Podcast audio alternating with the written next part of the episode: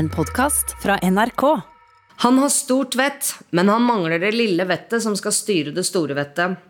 Dette kunne være et passende sitat for mang en røver som har tatt et litt forhasta valg i en pressa situasjon. Sitatet er henta fra skuespilleren Arthur Arntzen. Selveste Oluf. Er det korrekt?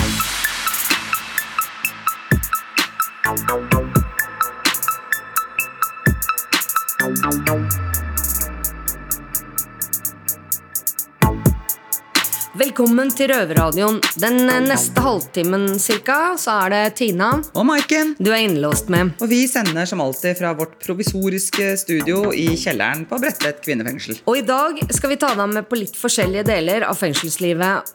Og mesteparten av historien du skal høre i dag, kan man vel si kommer av litt ugjennomtenkte avgjørelser. Ja, for du skal annet få høre om hvordan en fengselsrømming egentlig kan foregå.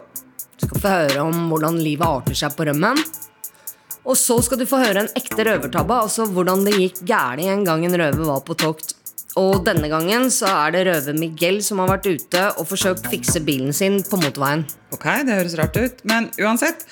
Aller først så skal vi få høre om at det kan skje hyggelige ting også inne i fengsel. Ja, jeg har jo sittet inne nå i over eh, ni år, og min erfaring er at det skjer mer rart på innsida enn man faktisk skulle tro. Ja, det er jo, blir jo et lite samfunn eh, her inne også, men med en eh, liten twist, kanskje. det kan man si. Og det skal vi få høre mer om fra Martin og Christian nå. Innsatte i norske fengsler lager radio. Du hører Røverradioen i NRK P2.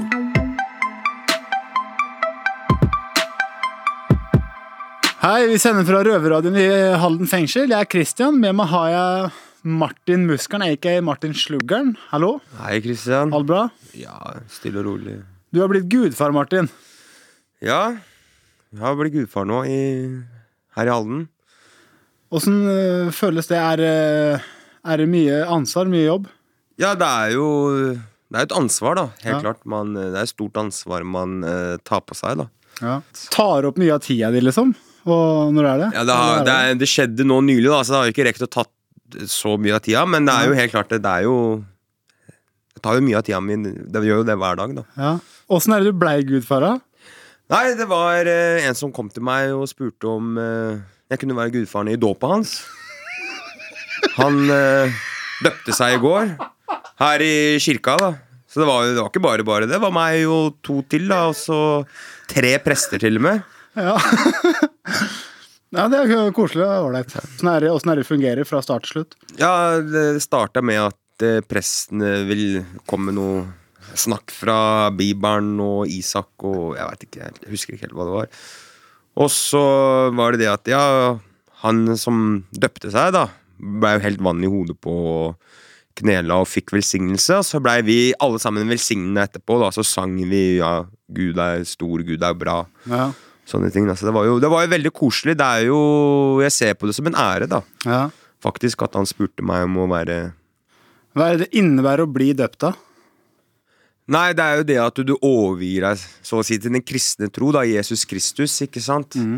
Det er jo det, det det går på. Han har jo valgt å bli kristen, og han er jo ikke tidligere døpt, da. Ja, Så det er jo det at du overgir deg selv da, til kristendommen, ikke sant. ja ok. Ja. Veit du grunnen til at han øh, Hvorfor øh, akkurat nå? Nei, jeg tror vel Du veit, når man sitter i fengsel, så får man veldig mye tid til å tenke, ikke sant? Ja. Og reflektere over ting man ikke har tid til på utsiden, da. Ja. Så da kanskje han har eh, funnet Gud, da. Funnet Jesus. ja, det er bra for han, det. Ja, det er jo koselig, det. Helt klart. Det er det. Det var et sterkt øyeblikk for, i hvert fall for han som blei døpt, da. Ja, Så det var jo koselig, da. Så det er helt klart en ære. Det var det, var det. Ja, det er ålreit. var det. Så du har blitt gudfar, du da, med andre ord? Ja, jeg har rett og slett blitt gudfar, da. Aka fadder. Ja, aka fadder, ja. Ja, det er heftig. Det, det var kult.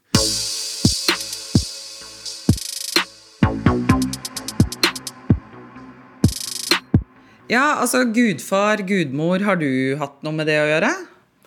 Nei, altså eh, Det har jeg nok ikke. Det eneste forholdet jeg hadde til gudfedre før jeg kom i fengsel, det var jo gjennom Gudfaren-filmen og min eh, respekt og for mafiaen nå eh, som forbilde, på en måte. Men eh, så har jo noe skjedd denne tida i fengsel, da. For Ja, for da har du blitt døpt mens du har sittet Nei, så langt har jeg ikke kommet, Maiken. Men, men eh, jeg har all respekt for at han gjorde det. Og jeg tenker at eh, jeg en dag, når jeg ikke sitter inne lenger, men har funnet meg et sted hvor jeg føler meg hjemme, en forsamling hvor jeg føler meg hjemme i, så vil jeg gjerne voksendøpe meg. For det, for meg så er det en stor greie å få lov til å eh, i, i voksen alder ta det skrittet og si det at her er jeg Jesus, og jeg vil være sammen med deg resten av livet. liksom. Mm. Ja. Akkurat det er kanskje ikke noe vi får lese om eh, i avisa, men ofte så får man jo lest om andre krumspring eh, straffedømte gjør. Det kommer i media i store, fete typer. Det gjør jeg. Og, og da får man jo sitte jo ofte igjen med mange flere spørsmål enn svar. For det er jo altså mye rart som skjer, da. I 2018 for eksempel, så sto det på nrk.no at Bastøy-fange 22 tatt etter tre uker på rømmen. Fangen rømte fra Bastøy fengsel i ei jolle. Ja, og, og de overskriftene er jo fantastisk spennende Ja. sikkert å lese. Men eh, tenk hvor spennende det er å høre hva som faktisk skjedde. Og fra- det skal jo vi få nå, Det- det fordi det denne Bastøy-fangen som det ble skrevet om her, det er nemlig røver Glenn i Oslo fengsel. Yep. Over til dem. Jeg heter Christian, og jeg sitter her med Glenn og Mali. Halla, halla. Halla. Yes. I dag skal vi ha en eh, rå røverhistorie fra nye røveren vår, Glenn. Det blir spennende. Det blir bra. Heftig. Eh, fra Bastøy til Horten. Ja, ja. Eh, det starta på Bastøy. ja det starta på Bastøy. Ja, hva, hva skjedde der? Nei, jeg kom dit, hadde sona ganske lenge. Endelig kom jeg på åpen. Og så endte det med at jeg tok en liten fest, da. Så tok de urinprøve, og så skjønte jeg at de, de kom til å sende meg vekk derifra. Mm, fra Bastøy. Ja, og det, det skulle de ikke få til. Nei. Nei. Så, så hva, hva, hva gjorde du da? Nei, før så prøvde jeg å bygge megaflåte, men så prøvde å padle med den, da, men det gikk til helvete. Jeg holdt på å drukne. og Hva, hva lagde du flåta av? Sånne der plastikkpaller. Jaha. Jeg tok fire sånne, to oppå hverandre og så to i lengden. Og så prøvde jeg å padle med en spade. Mm -hmm. Den eh, ble for tung, eller? Nei, Det var jo null balanse i den greia, der, så jeg bare vagla fram og tilbake. Og da fant du på at eh, det funker ikke? Ja, det kommer ganske langt, da, så det, jeg hadde jo på meg sånn regnbukser jeg hadde teipa for å ikke bli blaut. Så når jeg datt i vannet, så fylte det seg opp med vann, så jeg gikk jo ganske langt ned før jeg kom opp igjen. Altså, jeg trodde jeg skulle dø. Du holdt på å drukne nesten? Ja, Jeg holdt på å drukne, det var rett før. Men, eh, så du var først ute på havet der med de pallene. Ja, Eh, Du holdt på å synke og drukne. ja. Eh, Du klarer å padle deg tilbake. Ja, jeg greide å komme tilbake. Ja, og hva gjorde du da? Neste morgen så gikk jeg og snakka med en jeg kjente litt fra før. Han sier meg det er jo en båt bak et sånn elektrobygg der nede, men du må bare kutte kjettingen. Mm. Så da ordna jeg meg en eh, sånn baufil, kutta kjettingen. Mm. Tok den båten med ned til vannet, og så en spade, og så padla over, da. Ja. Så det gikk til slutt, men det var jævla mye jobb, da. Ja, men eh, altså det, der ute Jeg har jo kjørt båt der mange ganger. Ja. Det er ikke alltid Det er ikke vindstille alltid der. Nei, det var ikke vindst- vindstille den kvelden heller, men eh, det så ganske rolig ut på vannet i starten der inne ved stranda, men utpå der så var det mye bølger. Det det. Det var jævla mye bølger. Jeg følte meg litt som han der Bear Grills, hvis du vet hvem det er. Ja, ja, ja. Jeg følte meg litt sånn utpå der. Ja. Ja. Men var det Visste folka som du sona med der, at du hadde planer om å stikke og sånn, eller hvordan? Nei, det var én person som visste. Bare én? Første gangen så visste ingen det. Det var derfor jeg feila. Og, og det var sent på kvelden, eller når Ja, var det? midt på natta. Tolvtida gikk ut. Så brukte jeg kanskje tre og en halv time på å komme over. eller noe sånt. Men, men eh, hadde du noe flytevest eller noe sånt? da? Jeg hadde en sånn der, sånn, sånn du kaster ut i vannet, som ringer. Jeg hadde en sånn, jeg hadde en sånn eh, rundt meg da jeg var i den andre båten. Ja. Sinnssykt. Ja. Men, eh, men du må ha blitt jævla sliten, da. Tre og en halv time med padling med en Ja, det, det, det, det som var problemet, den spaden var ikke så lang. Så jeg måtte sitte helt framme i båten. Så hvis jeg prøvde å ro på venstre side, så gikk jeg jo til høyre. Og så motsatt på høyresida, da gikk jeg til venstre. Mm. Så det var ikke så jævla mye framgang i den båten, egentlig. Det var ikke det? Nei, jeg fikk krampe i skuldra og sånn. Ja, det var jævlig tungt. det var det. Med livet som innsats, liksom? Ja, jeg skulle faen ikke tilbake på lukka her, altså. Det var sommer og sol. Ja.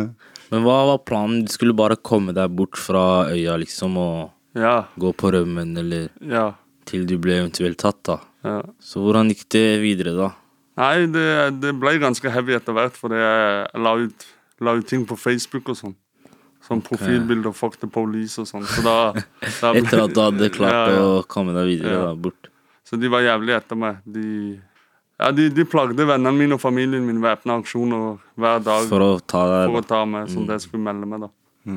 Så etter en og en halv måned de fant meg på et hotellrom. da. Men du, du holdt jo ut ganske lenge, da. Ja, jeg fikk med meg sommeren, i hvert fall. Ja. Så jeg var, jeg var fornøyd. Da. Men eh, jeg regner med at eh, de leita vel ikke noe mindre av å bli provosert av sånne innlegg på Nei, ikke, ikke det hele tatt. Har, har du fått noen reaksjoner på det seinere? Sånn, da? Jeg, jeg gikk i retten, og så fikk jeg påstand på 44 dager. Jeg tenkte «Å, det, det, det går fint, det. Mm. Jeg var frekk nok til å spørre dommeren kan vi ikke gå ned til 40. Jeg syns det er litt strengt. Og han var jo enig med meg, da. Så det var kul dommer. Du måtte ikke erstatte båt og, Jo, jo, og spade? må, jo, men det går fint. Det var så lite.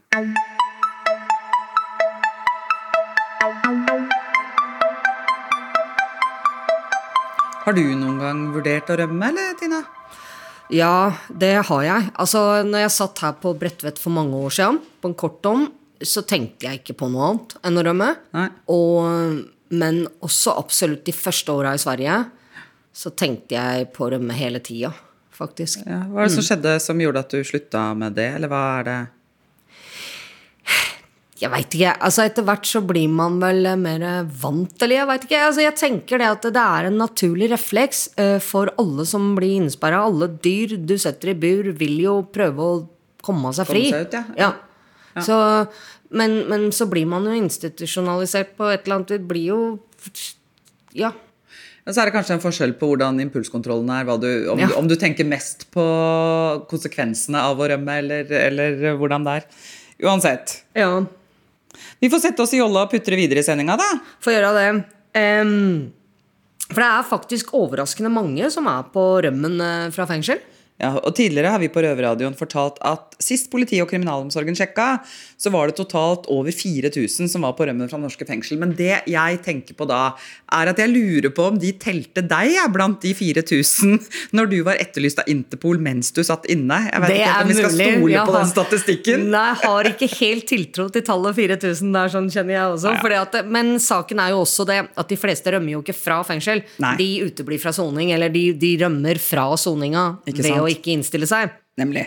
Og en av de som rømte fra eh, soning eller fra dommen, det var Malik. Eh, Og om livet helt blei som i en amerikansk film med strand og paraplydrink i hånda, det skal vi få høre om nå. Yep. Hei og velkommen til Røverradioen Eidsberg fengsel. Her hører vi fra Mats. På venstre side har jeg Gebril. På høyre side har vi Malek. Hei, hei. Ja, Malek, du har vært på rømmen, du. Det har jeg. Jeg har vært på rømmen. Kan du fortelle litt om det? Jeg var jo mistenkt for en eh, voldshendelse da, som eh, jeg eh, ikke ønska at politiet skulle ha tak i meg, så jeg bestemte meg for å rømme. Da hvor er du? Hvor tenkte du å rømme? Nei, jeg eh, tenkte mange steder, men uh, førsteplassen jeg tenkte, det var å Første og siste var å reise hjem. Så jeg ville til Marokko. Marokko, ja. Der var jeg trygg, og der kunne ingenting eller noen røre meg. Liten ferie. En liten ferie og ikke noe utleveringsavtale, så da kunne jeg slappe av på stranda og kose meg og sole meg og tenke gjennom hva jeg skal. Åssen har du kommet deg dit, da? Nei, jeg, eh, som sagt da, så ble jeg etterlyst. Så det ble veldig mye greier på kort tid. Livet ditt kan bli snudd opp ned på bare noen sekunder, så jeg måtte tenke fort og være litt smart. Så endte med å snakke med politiet og få advokaten min til å avtale et møte med de. Om at jeg skulle melde meg dagen etter, så jeg kjøpte meg litt tid. Eh, meldte meg, kom aldri til avtalt tid. Satte meg på et fly, reiste til Marokko.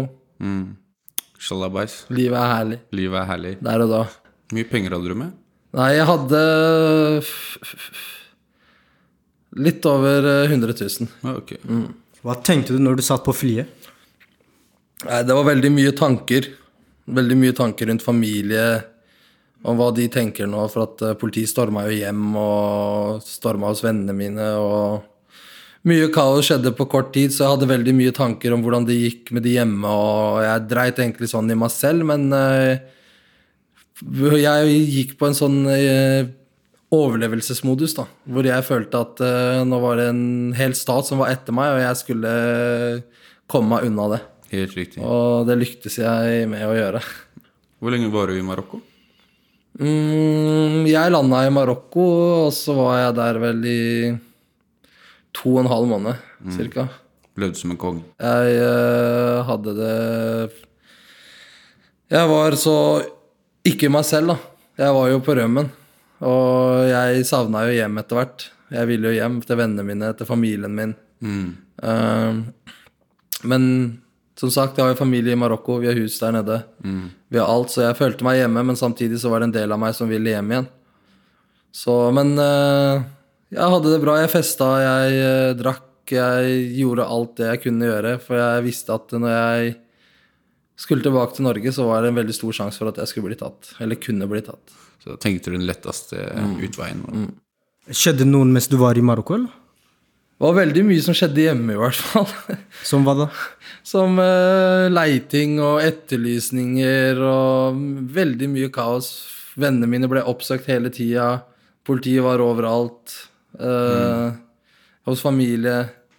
Så på en måte så følte jeg at jeg måtte melde meg. Samtidig så måtte jeg også tenke på meg sjøl. Så jeg havna i en kinky situasjon hvor jeg ikke helt klarte å finne en utvei. da Ja. Om eh, skal jeg melde meg, eller skal jeg bli? Mm. Så det svaret var egentlig veldig lett der og da. Det var å bli. Mm, Så da Men eh, var det det storsak, eller hvorfor måtte du rømme? liksom? Det var en eh, grov voldssak, ja. Grov voldssak. Ok. Så jeg visste jeg kom til å bli varetektsfengsla. Det visste jeg. Åssen er det du ble tatt, da?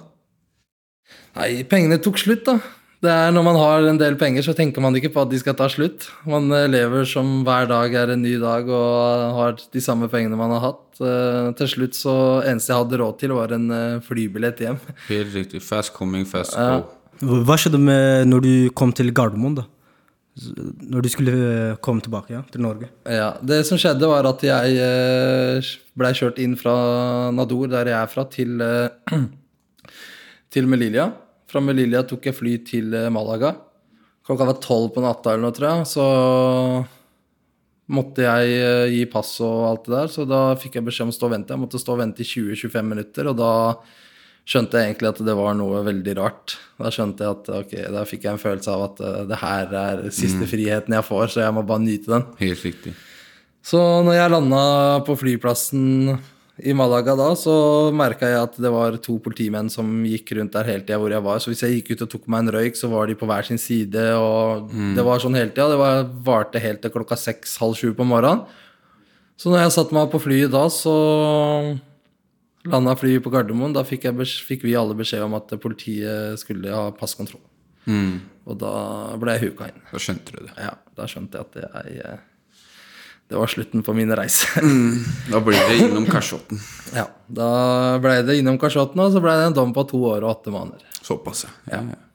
Var det verdt å være på rømmen? Det er jo alltid verdt å være på rømmen der og da. Det, man vil jo ha friheten sin. Man ønsker ikke å miste friheten sin. Man eh, vil jo gjøre det man vil, man vil jo ringe de man vil, og uten å måtte ha noen som skal fortelle deg hele tida hva du skal og ikke skal. Så der og da så var det verdt det. Men uh, i ettertid, når man tenker over det, så soner man selv om man er på rømmen. Altså. Er, uh, selv om man er på rømmen, så må man alltid gjemme seg. Man Mm. må passe på, man må hele I hvert fall hvis man er i Norge. Ja, det skjønner jeg. Sånn I Marokko så hadde jeg det ganske fritt, men jeg har jo vært i rømmen i Norge også. Det Mm. gadd jeg ikke å være mye lenger. Etter det lengste jeg har vært på rømmen i Norge, vært to-tre dager. Ja, Så har jeg meldt meg. Det er Da har jeg skjønt at det går jo ikke. For at uh, du er så avhengig av så mange. Og de du er avhengig av, har veldig mye annet å gjøre også. Så til Mm. slutt så sitter du igjen alene. Så ved å måtte jobbe og rømme for å ha den friheten, så ender det med at du mister den friheten når du er på rømmen. Da. For du riktig. gjemme Det blir så stor belastning. Ja. Så det er like greit å bare hoppe i det og bare ta det som en mann. Men for min del da, så kjenner jeg igjen det at du føler at det, det passer ikke helt. Skal sone akkurat nå. Mm. Skjønner du hva jeg mener? Men så blir det til den at eh, Etter min del, da jeg var på rømmen i ett år og tre måneder, så når jeg egentlig tenker over det, så er egentlig Det passer jo aldri. Mm. Så, men, så man utsetter og utsetter problemet, og så blir det mye kaos og tull. Jeg fikk jo dratt på meg mye nye saker. Mye tull, da. I min, I min del så var det åtte måneder jeg skulle inn for, og nå kastet jeg på meg så jeg ble 15. Ja, ikke sant? Så det er veldig lett å gi faen når man mm Så lever man liksom i skyggen av eh, virkeligheten. da Man Mm. må liksom holde seg inne eh, på dagtid. Lever liksom sånn mye kvelden. Mm. Unngår mange steder, holder seg i bakgater. er- Man setter en begrensning på å leve. da Man lever jo ikke. Man lever i en frykt og skaper paranoia. Og så blir det visse sanser i kroppen din jævlig forsterka òg. For Mm. da plutselig så kan du bli dra skikkelig paranoia på en, bare en vanlig mann på gata. Tenk 'å faen, han der'. Ja, han er sivil. Han kikka på den og den måten på meg. Eller 'å faen, naboen min kanskje Mm.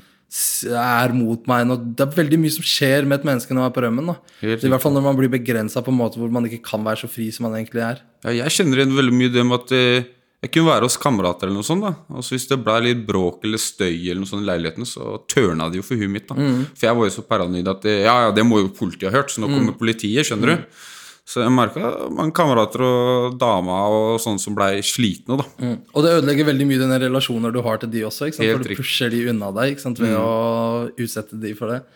Så det er ikke bare deg det går utover, det går utover veldig mange andre òg. Mm. Så til slutt så I den situasjonen så tenker man faen, jeg har ingen, men egentlig så har du hatt mange rundt deg. Du har bare kasta de vekk Kastet fordi det at vekk, eh, måten du har oppført deg på, måten du har vært på. Så da er det bare bedre å gjøre opp for seg da enn å rømme. Dagens visdomsord. Dagens visdomsord. Innsatte i norske fengsler lager radio. Du hører Røverradioen i NRK P2. Ja, voksen og moden og veloverveid eh, refleksjon fra gutta der, må jeg si. Ja, for det har jo sine omkostninger, altså, det der eh, å skulle rømme. Absolutt. Kan skal- jeg bare si, altså Det er veldig ulike liv eh, vi lever. Altså, for Jeg gikk jo og venta på soning. Det, falt meg jo ikke inn å skulle rømme fra den soninga uansett. Men når jeg først fikk soningsinnkalling, så passa det jo veldig dårlig for meg også. Men da fikk jeg søkt uh, bare en sånn fire ukers utsettelse, og da ble jeg veldig glad, for da, da rakk jeg å se den nyeste sesongen av The Crown. Ja, det er bra. Vi er så forskjellige Ja. alle sammen. Så det da var jeg klar. Når den var ferdig, når jeg hadde binga den, så var jeg i grunnen klar. Fangepopulasjonen er ikke unison. Det Den kan man ikke helt klart fastslå. Nå skal vi i hvert fall over til en av våre gjentagende programposter her på Røverradioen. Røvertabber. Da-da. Vil du få, hva er egentlig røvertabbe? Nei, altså alle gjør jo tabber. Alle mennesker gjør tabber. Men eh, når røvere gjør tabber det er liksom ikke som å glemme å hente uh, renseridressen der sånn, liksom. Eller eh, Du føler at det er gjøre- det folk forteller historier Jeg jeg veit ikke hva streitinger hva de gjør med livet sine, har jeg sagt. Men i hvert fall um, så, så det kan gjøre seg veldig mange rare utslag. Så Ja, det- spennende å høre. Ja, da får vi bare gi ordet til Miguel. Det gjør vi.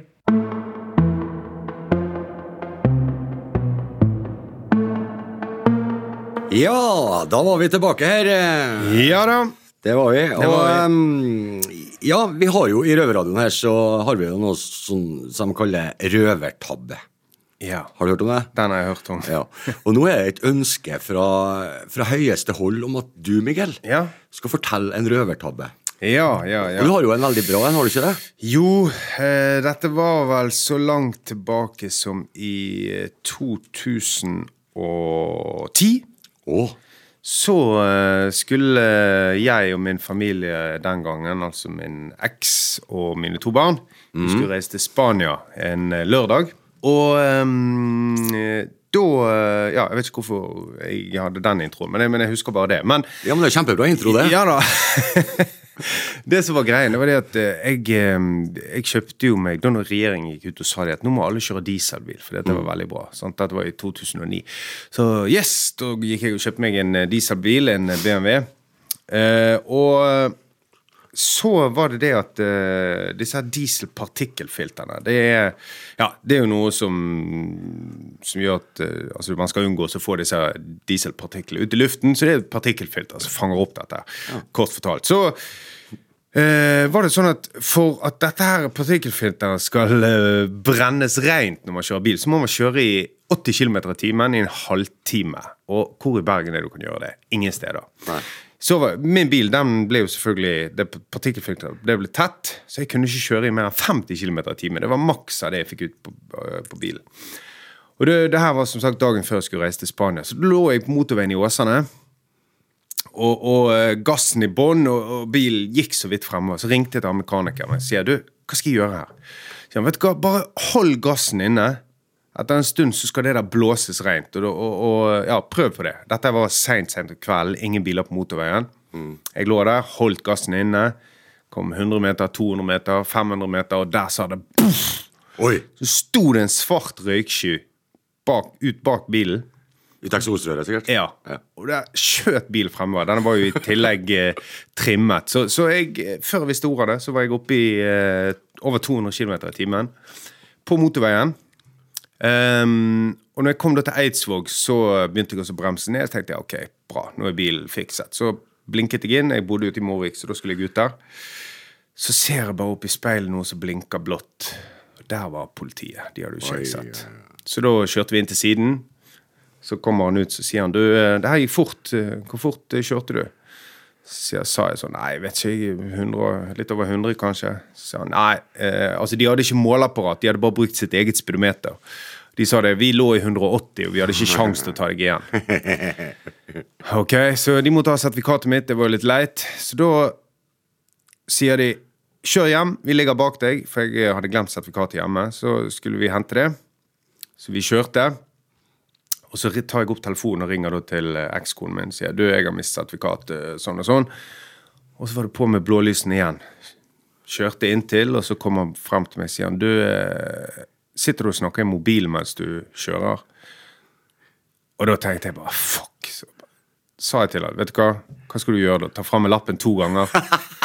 og det, da blir han gal. Sier han, nå kjører du rett hjem, så henter du sertifikatet, og så ikke noe mer snakking i mobiltelefonen. Så det var, eh, det var min røvertabbe. Ja, men Det var jo en eh, fantastisk tabbe. Men hva, hva, hva har du lært eh, ut av den der? Nei, jeg har lært at uh, man bør gjerne holde fartsgrensen. Og så uansett hva som feiler bilen din, så, så er det liksom ikke greit å, å blåse på og sånn. Men, uh, men eh, det var en kalkulert risiko. Eh, Det var som sagt lite biler på veien, og uh, det var ikke noe fare for liv og helse. Men Annet enn mitt eget, selvfølgelig. Men, men eh, det var, det var tåpelig. Unødvendig. Men eh, Nå er ikke jeg noen bilmekaniker, eller sånn, men partikkelfilter, er ikke det Mm. mulig å skifte partikkelfilter? Jo, det koster 25 000. ja. Ja, men da gjorde du det på en eh, Ja, jeg gjorde, måte. jeg gjorde det på en billigere måte. Og det, men sant, dette var det, og dette var ikke bare BMW som hadde problemer. Det var masse biler med dieselpartikkelfilter som Mm. gikk tett. Ja, det, det er jo eh, det er jo sånn det er, da. Eh, Sånn er det. Sånn er det når du kjøper dieselbil. Sånn er det når du Eh, kjøper dieselbil. Så den har jeg kvittet meg med. Nå kjører jeg eh, grønt og fint elbil, men, eh, men eh, aldri mer diesel. Ja, altså Nå håper jeg at Miguel har kjøpt seg elbil. fordi det der med dieselbil og partikkelfilter det var jo to stortingsvalg siden. Ja, for vi er straks ferdig med denne sendinga her, men neste den skal jo handle om valg. Nemlig.